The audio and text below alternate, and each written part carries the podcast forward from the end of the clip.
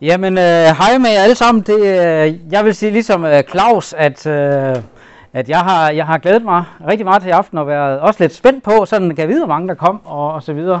Det er dejligt, at, øh, at der er øh, dukket så mange op, synes jeg. Øh, og øh, som, øh, som Claus var, var inde på, så øh, er det sådan, at, øh, at fire af de samlinger, vi skal have her i øh, foråret, der kommer jeg til at øh, sætte fokus på, øh, på Abraham, og ikke mindst på Abrahams Gud. Øh, det tror jeg, det er i hvert fald mit store håb og min bøn, at det må øh, fremgå tydeligt, at, øh, at den vi virkelig får fokus på her, øh, det er ikke så meget Abraham, som var et menneske, som var meget ufuldkommen på mange måder, som, som vi er det, men fokus på Gud som virkelig er øh, fuldkommen, og som vi møder virkelig som den fuldkommende Gud i, øh, i fortællingen om Abraham. Så det er ham, vi skal, vi skal prøve ligesom at, øh, at sætte fokus på. Og øh, i dag der er, er temaet altså, Gud holder sine løfter, og det skal handle om, øh, om Guds løfter og Guds pagt med Abraham, som vi læser om i, øh, i 1. Mosebog, øh, kapitel 15. Og øh, vi, skal, øh, vi skal begynde med at, at læse teksten der. Øhm, og jeg ved ikke, jeg, det, jeg håber, I har nogle biler med, så kan det også være, at I kan kigge lidt sammen måske, eller, eller slå op øh, jeres mobil, eller et eller andet. Øh, det er der i hvert fald mulighed for, men man kan sagtens få noget ud af det af, alligevel, øh, også selvom man ikke lige sidder med teksten. Men vi skal, jeg vil begynde med at læse teksten. Den står altså i øh, 1. Mosebog kapitel 15. Og jeg vil godt øh, forberede jer på, at de første seks vers, de er sådan rimelig lette at, at forstå. Men den anden halvdel af teksten, den anden, anden halvdel af kapitlet, den, det er uh, måske lidt mærkeligt. Øh, men det er faktisk den anden halvdel af teksten, der er det allerbedste. øh, men det kræver lidt forklaring. Og den skal I nok få her øh, i løbet af, af det, jeg skal sige nu her. Men jeg synes, vi skal begynde med at, at læse teksten. Står altså i, i 1. Mosebog kapitel 15. Der står sådan her. Senere kom Herrens ord til Abraham i et syn. Frygt ikke, Abraham. Jeg er dit skjold. Din løn skal blive meget stor. Abraham svarede, Gud herre, hvad kan du give mig, når jeg må gå barnløs bort, og Eliezer skal være min arving? Abraham sagde, Du har ikke givet mig afkom, som en hustral skal arve mig. Der lød Herrens ord til ham, Nej, han skal ikke arve dig. Dit eget kød og blod skal arve dig. Så tog han ham udenfor og sagde, Se på himlen og tæl stjernerne, hvis du kan. Og han sagde, Så mange skal dine efterkommere blive. Abraham troede Herren, og han regnede ham det til retfærdighed. Han sagde til ham, Jeg er Herren, som førte dig ud fra Ur i Kaldæa, for at give dig dette land i eje. Men han sagde, Gud herre, hvordan kan jeg vide, at jeg skal få det i eje? Herren svarede, Hent en treårig kvige, en treårig ged og en treårig væder, samt en turteldu og en duunge. Han hentede dem, og så skar han dem midt igennem og lagde halvdelen over for hinanden. Fuglene skar han dog ikke over. Der kom rovfugle og så ned på de døde dyr, på de døde dyr, men Abraham jo dem væk. Da solen var ved at gå ned, faldt Abraham i en tung søvn, og et stort, redselsfuldt mørke sænkede sig over ham. Da sagde Herren til Abraham, du skal vide, at dine efterkommere skal bo som fremmede i et land, der ikke er deres. Der skal de være trælle og plages i 400 år. Men så vil jeg dømme det folk, de er trælle for. Og derefter skal de drage ud med store rigdomme. Selv skal du gå til dine fædre i fred. I en høj alder skal du gå i graven. Først i det fjerde slægtled skal de vende tilbage hertil. For målet fra Moritternes søn er endnu ikke fuldt. Da solen var gået ned, og det var blevet bælmørkt, kom en rygende ovn og en flammende fakkel til syne og bevægede sig frem mellem de overskårne dyr. Den dag sluttede Herren pagt med Abraham. Han sagde, jeg giver dig dine efterkommere dette land fra Ægyptens flod til den store flod Eufratfloden. Kenitterne, Kenisitterne, katmonitterne, Hittitterne, Perisitterne, Rifaitterne, Amoritterne, Kananæerne, girgasitterne og Jebusitterne. Det har jeg øvet mig meget i. Jeg synes egentlig, det gik meget godt med de navne der. Yes. Se, øhm, Abraham, og nu, jeg ved godt her, han kaldes bare Abraham. Det er første år i kapitel 17, han bliver kaldt Abraham. Øhm, men øh, for ikke at, at, at gøre mig selv forvirret, så kalder jeg ham bare Abraham fra starten af. Se, Abraham, han er en meget vigtig person i Bibelen. Øhm, der er faktisk ingen gammeltestamentlig person, som er omtalt så ofte i Nytestamentet som Abraham. Mere end 70 gange har jeg læst mig til.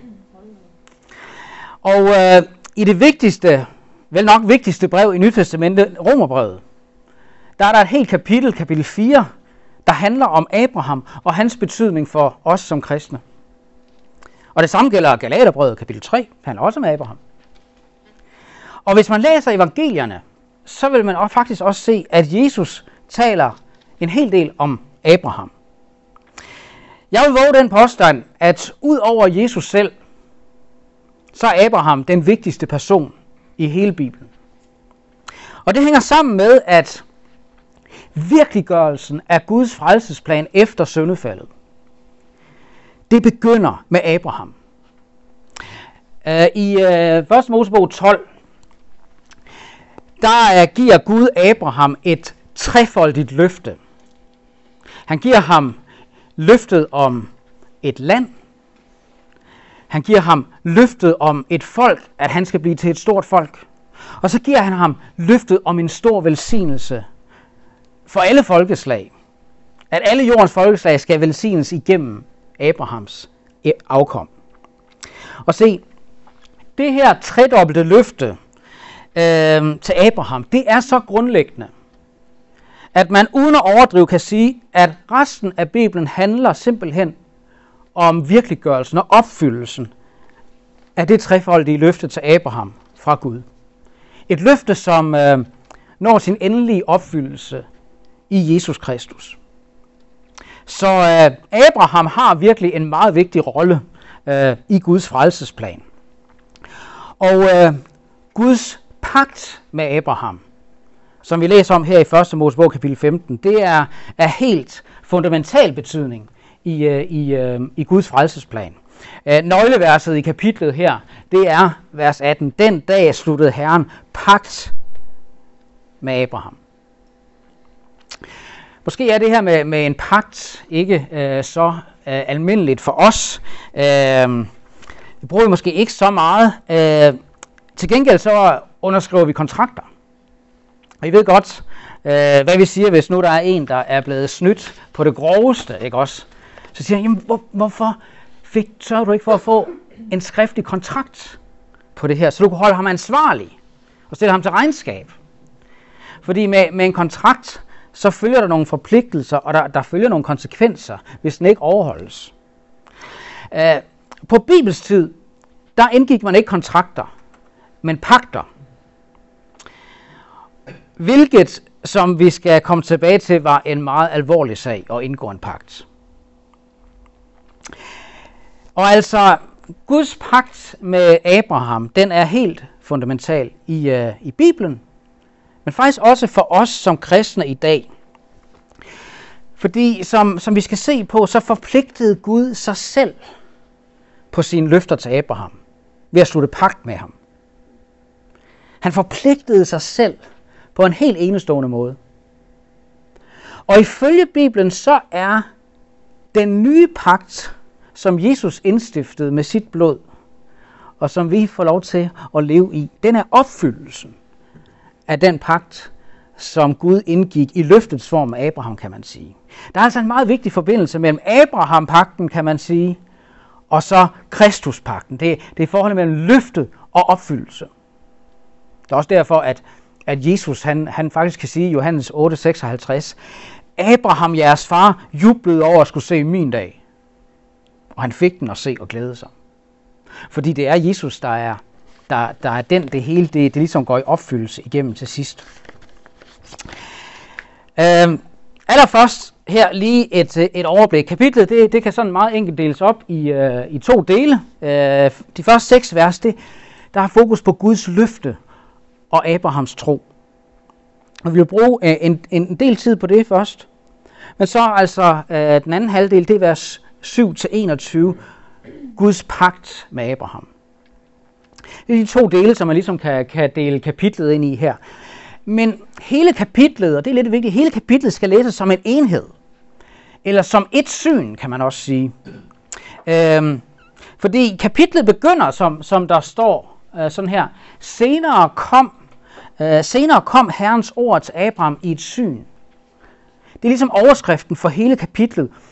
Og synet, det omfatter hele kapitlet. Det var hele kapitlet. Øhm, det her syn, det var faktisk bemærkelsesværdigt længere. Man kan godt sådan oversætte lidt, når man læser teksten, men, men læg mærke til, at det begynder om natten. Men det er ikke nogen drøm. Abraham, han er vågen.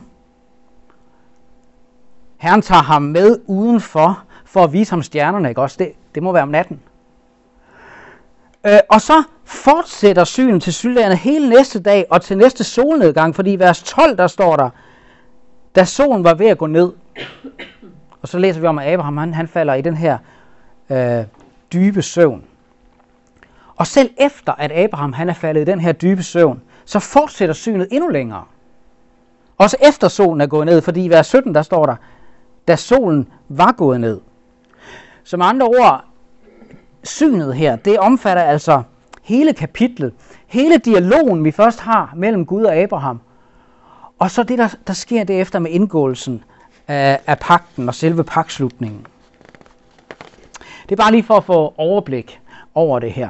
Øhm, men lad os først se på de første seks vers med, med, øhm, med øhm, Guds løfter, Abrahams tro. Kapitlet eller synet her, det begynder altså med, at Gud giver Abraham et løfte. Han giver ham et løfte om en stor løn. Frygt ikke, Abraham, jeg er dit skjold, din beskytter. Og så siger han, din løn skal blive meget stor. Og øh, det her det er ikke sådan et løfte om lønforhøjelse, selvom det måske kunne, kunne tolkes en ret. Det er det, man drømmer om, når man er til jobsamtale, ikke også? Så chefen siger, din løn skal blive meget stor. Øh, det er en lidt anden form for, for løn, det her handler om. Det er det hele taget ikke en, en, en arbejdsløn, men en, en, en nådeløn. Sådan er det i Bibelen. Det er ikke en, en løn efter arbejde, eller efter gerninger, eller efter fortjeneste, men, men efter noget. Og, og Guds nåde er altid det modsatte af efter fortjeneste. Jeg tror, den løn, som Gud lover Abraham her, det bedst forstås som en gentagelse af det trefoldige løfte, som jeg pegede på fra, fra kapitel 12, ikke også? Løftet om et land, et folk og en stor velsignelse. Abrahams løn rummer alt det her. Det er det, Gud vil give ham. Men fokus her i den første del af teksten, det er særligt på løftet om afkom. Altså, at han skal få mange efterkommere og blive til et stort folk. Men der er jo et problem her. Problemet er jo, at, øh, at lige i begyndelsen, da, da, da, da Abraham-fortællingen begynder, der læser vi kapitel 11, vers 30 om hans, hans hustru. Sara var ufrugtbar og fik ingen børn. Det er det problem, der ligesom hele tiden ligger ind over Abraham-fortællingen. Sara var ufrugtbar og fik ingen børn. Og Gud havde altså lovet Abraham, at han skulle blive til et stort folk. Og Abraham, han har ikke let ved at blive ved med at tro Guds løfte. Gentagelsen af Guds løfte her i kapitel 15 udløser faktisk den første dialog mellem Gud og Abraham i Bibelen. Indtil nu, der har det kun Gud, der har talt til Abraham. Men nu her, der, der svarer Abraham. Han går i dialog med Gud. Og i den dialog, der sætter Abraham, som vi jo kalder troens far, ikke også? der sætter Abraham ord på sin tvivl. Fordi Abraham han har allerede ventet længe på, at Guds løfte bare skulle begynde at gå i opfyldelse. Men intet er sket. Og derfor så står der, Abraham svarede, Gud herre, hvad kan du give mig, når jeg må gå barnløs bort, og Eliezer skal være min arving? Abraham sagde, du har ikke givet mig afkom, som en hustral skal arve mig. Det Abraham siger her, det er jo sådan set, Gud, Sara og jeg, vi var allerede meget gamle første gang, du kom med løftet. Og nu er vi meget, meget gamle. Og Gud, du ved lige så godt som jeg, at Sara aldrig har kunnet få børn. Så hvad kan du give mig, når jeg nu må gå barnløs bort? Og den eneste til at af mig, det er min, det er min hustral Eliezer. Altså det er sandt, at øh, vers 1-6 handler om Abrahams tro på Guds løfte. Men de her vers, de viser os, at Abrahams tro bestemt ikke altid var en uanfægtet tro, uden spørgsmål, uden tvivl, uden skepsis. Og jeg er faktisk rigtig glad for, at netop i det her afsnit, som understreger Abrahams tro på Guds løfte, der er også hans anfægtelse og spørgsmål og tvivl og skepsis taget med. Som sagt, så, så er det her første gang, vi læser om, at der udspiller sig en dialog imellem Gud og Abraham. Måske for at vi skal lære Abraham, at det bedste vi kan gøre, når tvivlen den nærer os, det er så at sige at gå i dialog med Gud. At tale åben og ærligt om Gud, om vores tvivl og om vores spørgsmål og om alt det, vi ikke forstår.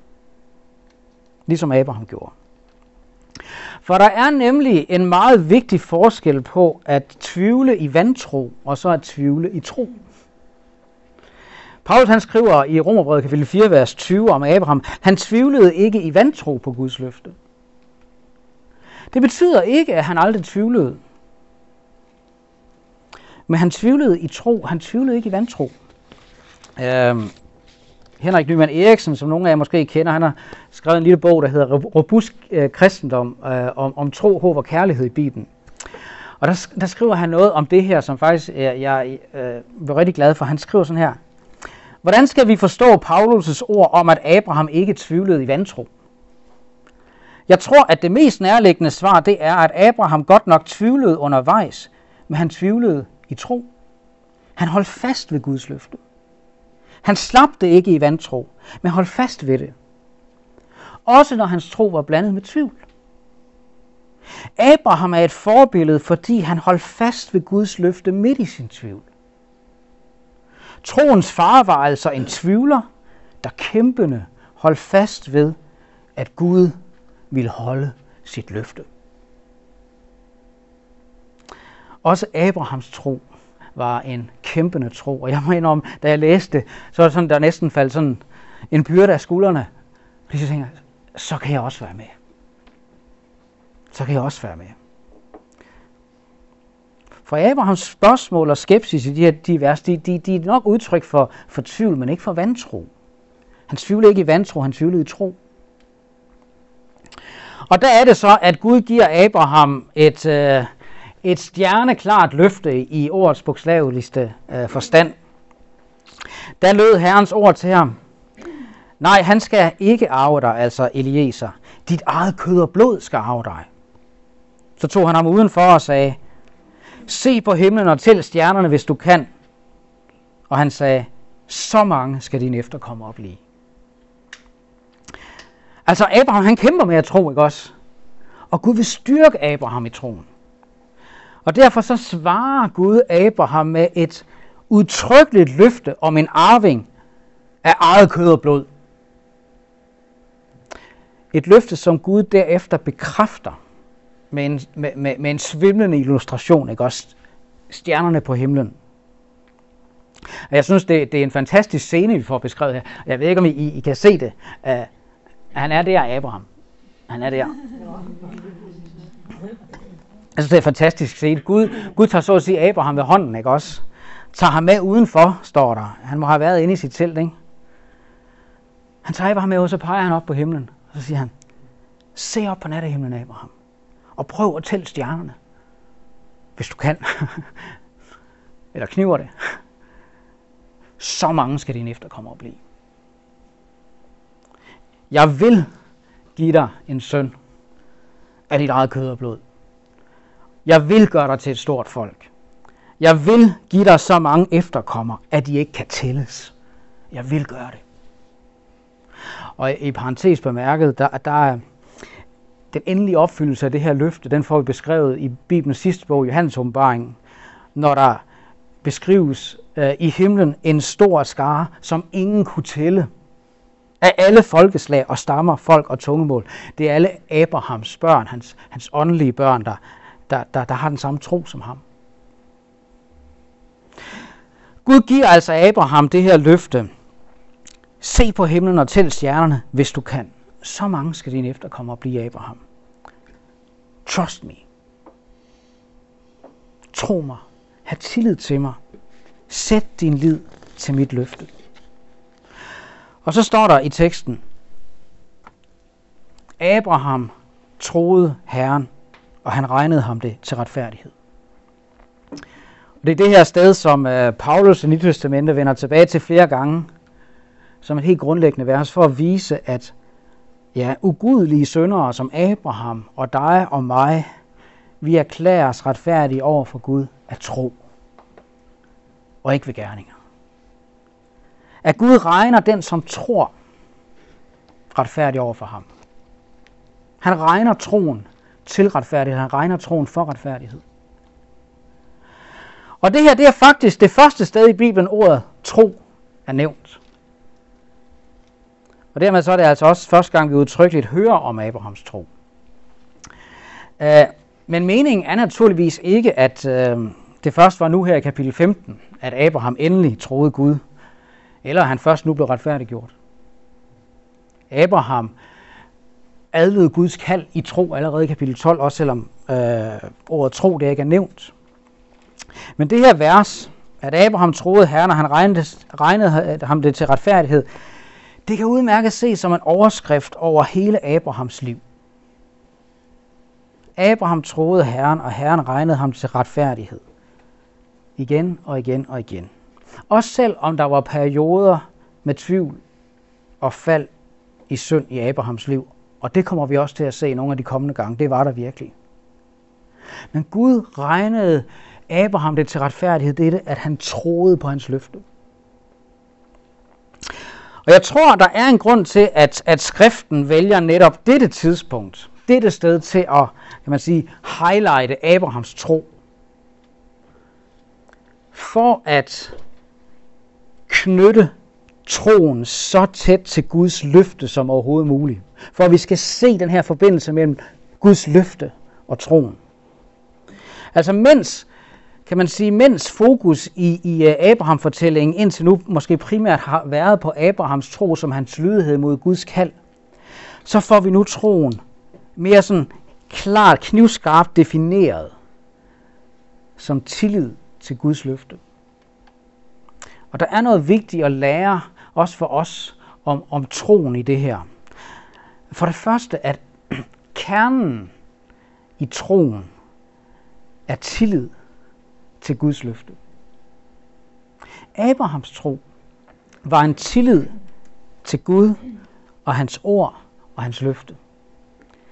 Abraham satte sin lid til det, Gud havde lovet. Han havde tillid til, at Gud kunne og ville gøre løftet til virkelighed. Kernen i troen, det er tillid.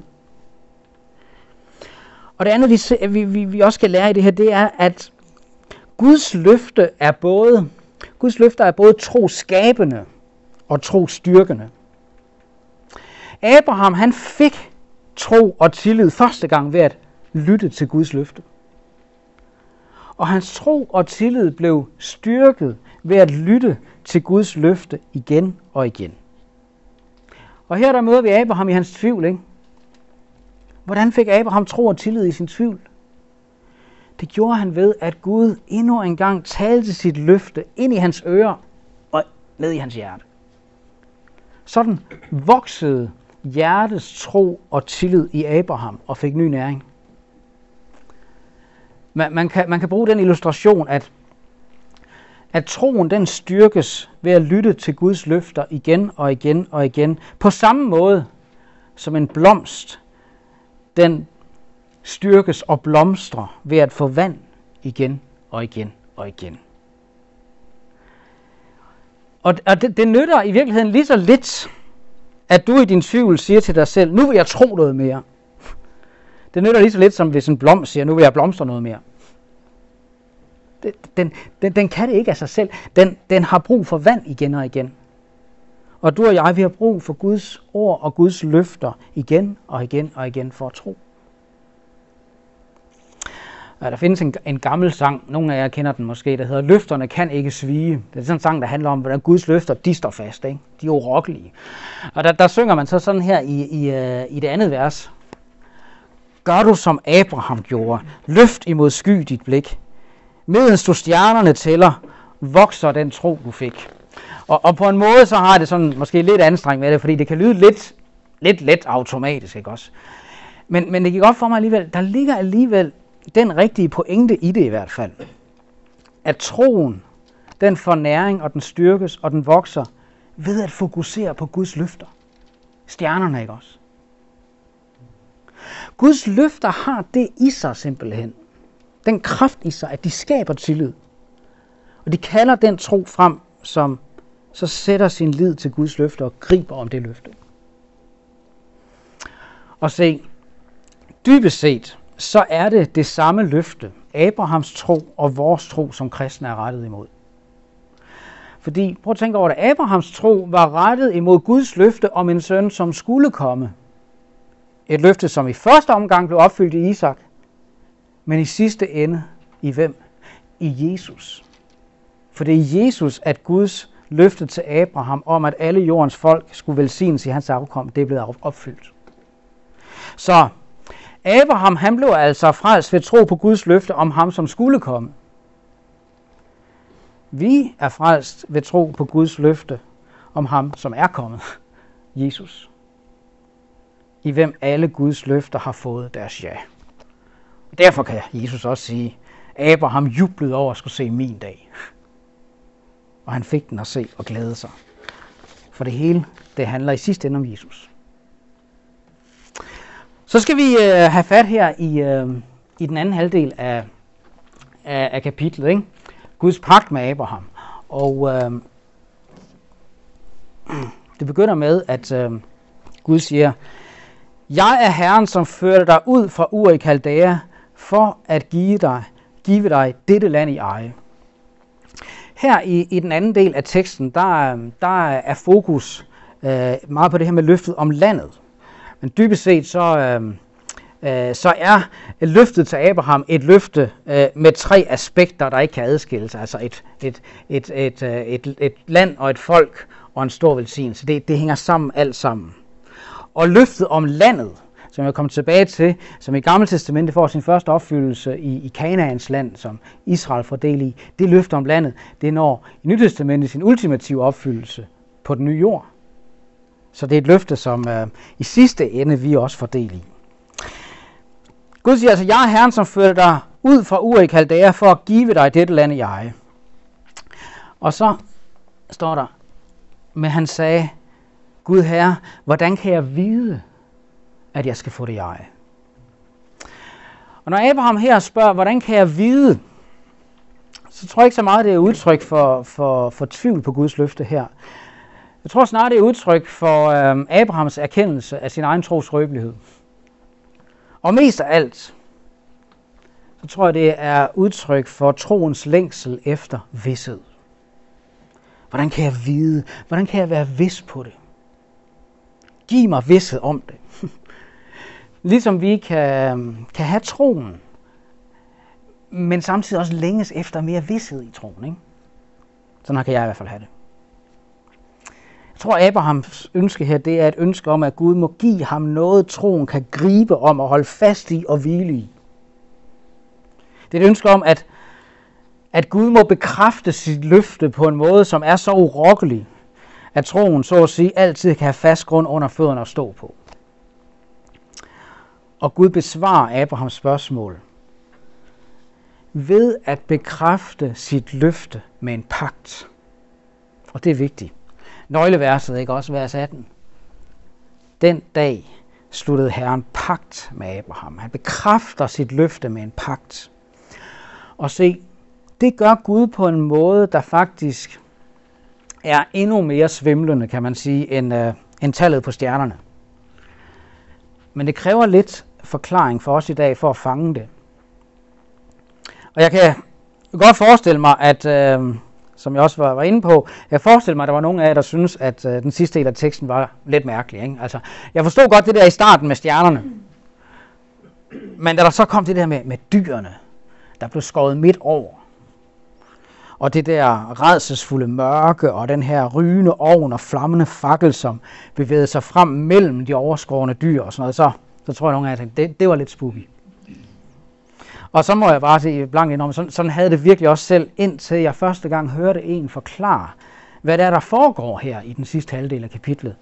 Og siden da, der, der har jeg aldrig glemt det, siden da, der den sidste del af kapitlet her faktisk kommer til at betyde faktisk endnu mere for mig end, end, end, end den, den første del. Det er virkelig stærke sager, det her.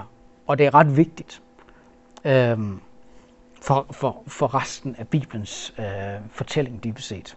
Se, det at øh, indgå en pagt, øh, det var, som jeg var inde på før, det var, det var en alvorlig sag. Det foregik på Abrahams tid på den måde, at ja, man skar nogle dyr midt over. Øh, man kaldte det faktisk at, at, at skære en pagt.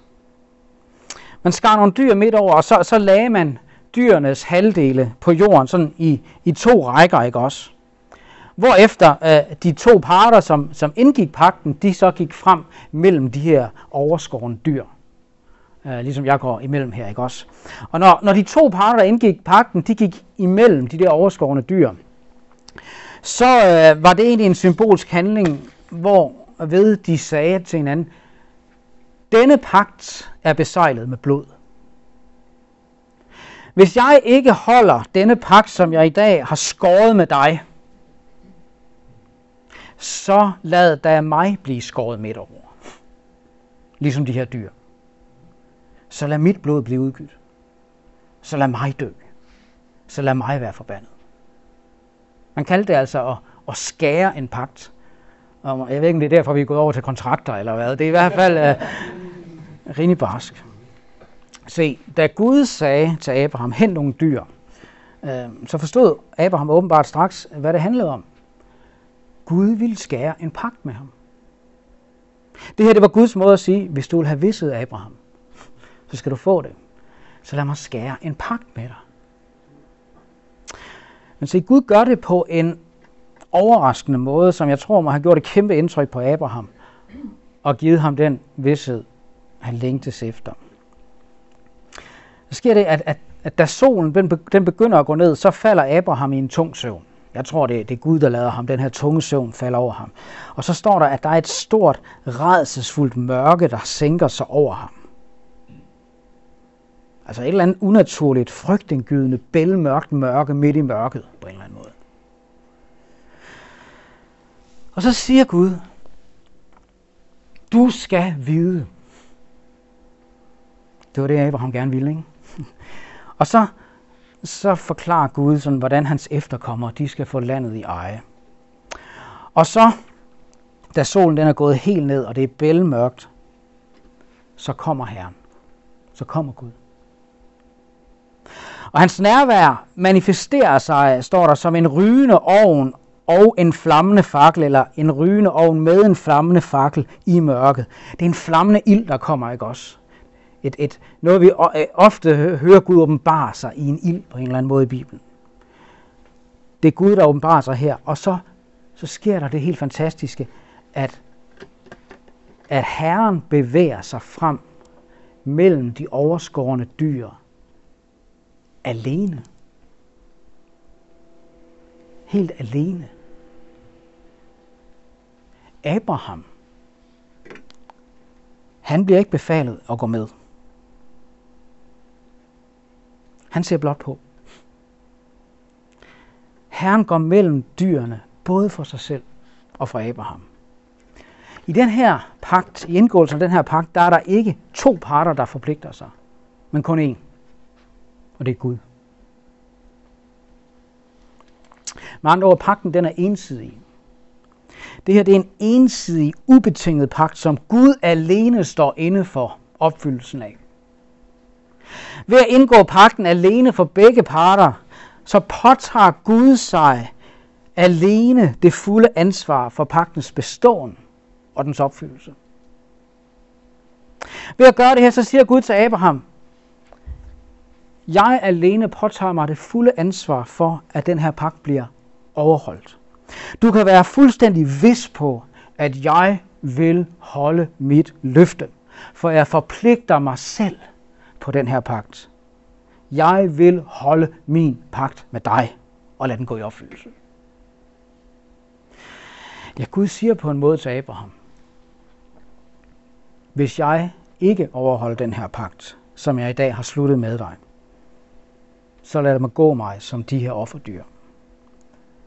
Så lad mit blod blive udgivet. Så lad mig være forbandet. Og hvis du og dine efterkommere Abraham svigter mig, så lad også mig bære konsekvenserne af det. Så lad det gå mig som de her offerdyr, så lad mit blod blive udgivet. Gud forpligter sig selv på pakten helt alene. Og se, det her, det er et meget stærkt, det her kapitel, det er et meget stærkt øh, eksempel på det med, at en hver tekst i Bibelen visker Jesu navn. Vi har en, en børnebibel, der, der er hjemme, der hedder uh, The Jesus Storybook Bible. På dansk, hvad Bibelen fortæller om Jesus. Og der er sådan en underoverskrift på dansk, der hedder, hans navn klinger med i hver historie. Jeg kan endnu bedre lide den engelske. Every story whispers his name. hver eneste fortælling visker hans navn. Visker Jesu navn, peger frem mod ham. Fordi Gud har også skåret en pagt med os i Jesus Kristus. Fordi mange hundrede år senere, da Jesus, som var Gud og menneske i en person, da han indstiftede nadvaren aften før sin egen død, der sagde han, dette er mit lame, som gives for jer. Dette er mit blod. Den nye pagt ved mit blod, som udgives for jer. Og som jeg så var inde på, den nye pagt er opfyldelsen af den pagt, som Gud indgik i løftets form af Abraham. Og da Jesus hang på korset, gennembordet for vores overtrædelse, der sænkede der sig også et redselsfuldt mørke over ham. Og han blev forbandet, for at vi kunne få del i den velsignelse, som Gud lovede Abraham. Paulus han siger det sådan her i Galaterbrevet, kapitel 3, vers øh, 13-14. Kristus har løskøbt os fra lovens forbandelse, ved selv at blive en forbandelse for vores skyld. Der står jo skrevet, forbandet er en hver, der hænger på et træ. Og så kommer det, for at velsignelsen til Abraham kunne nå ud til folkeslagene i Kristus Jesus. På korset, der betalte Jesus så at sige prisen for, at Gud gik mellem de overskårende dyr alene, da han indgik pakten med Abraham. Det er bare han konsekvenserne af det. Og jeg håber, I kan, I kan ligesom fornemme noget af, hvad det her betyder, fordi når den nye pagt er opfyldelsen af den pagt, som Gud indgik i løftets form af Abraham, så er hele grundlaget for vores liv i tro det samme som for Abraham. Vores liv i tro bygger på noget uden for os selv, bygger på, på Guds løfter, som han har forpligtet sig selv på ved at slutte pagt med os i Kristus. Gud har skåret en pagt med os med sit eget blod ved Jesu død for os. Og se, det er bare så vigtigt at forstå, pagten, den hviler ikke på os, men på ham. Den hviler ikke på vores liv, men på hans død. Og den, den hviler, Gud skal takke lov, ikke på vores trofasthed, men på hans trofasthed. Gud vidste, at hvis pakten den skulle være en gensidig pagt, der ikke blot beroede på ham selv, men også på os, så kunne pakten aldrig bestå. Han har selv skåret pakten, og han har underskrevet den med sit eget blod, for at den kan bestå på trods af dine og mine svigt og fald og sønder. Som vi sang det før, lad hele verden briste, min Jesus er ved magt.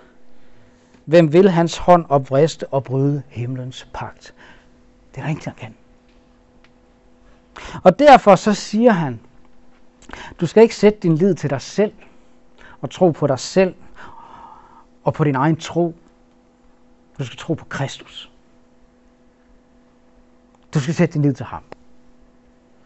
Og når tvivlen den fylder dig, og du siger, hvordan kan jeg vide, hvordan, hvordan kan jeg vide, om du overhovedet er der, Gud, eller om, om du virkelig elsker mig, om jeg, om jeg virkelig er tilgivet, eller om, om jeg virkelig er frelst.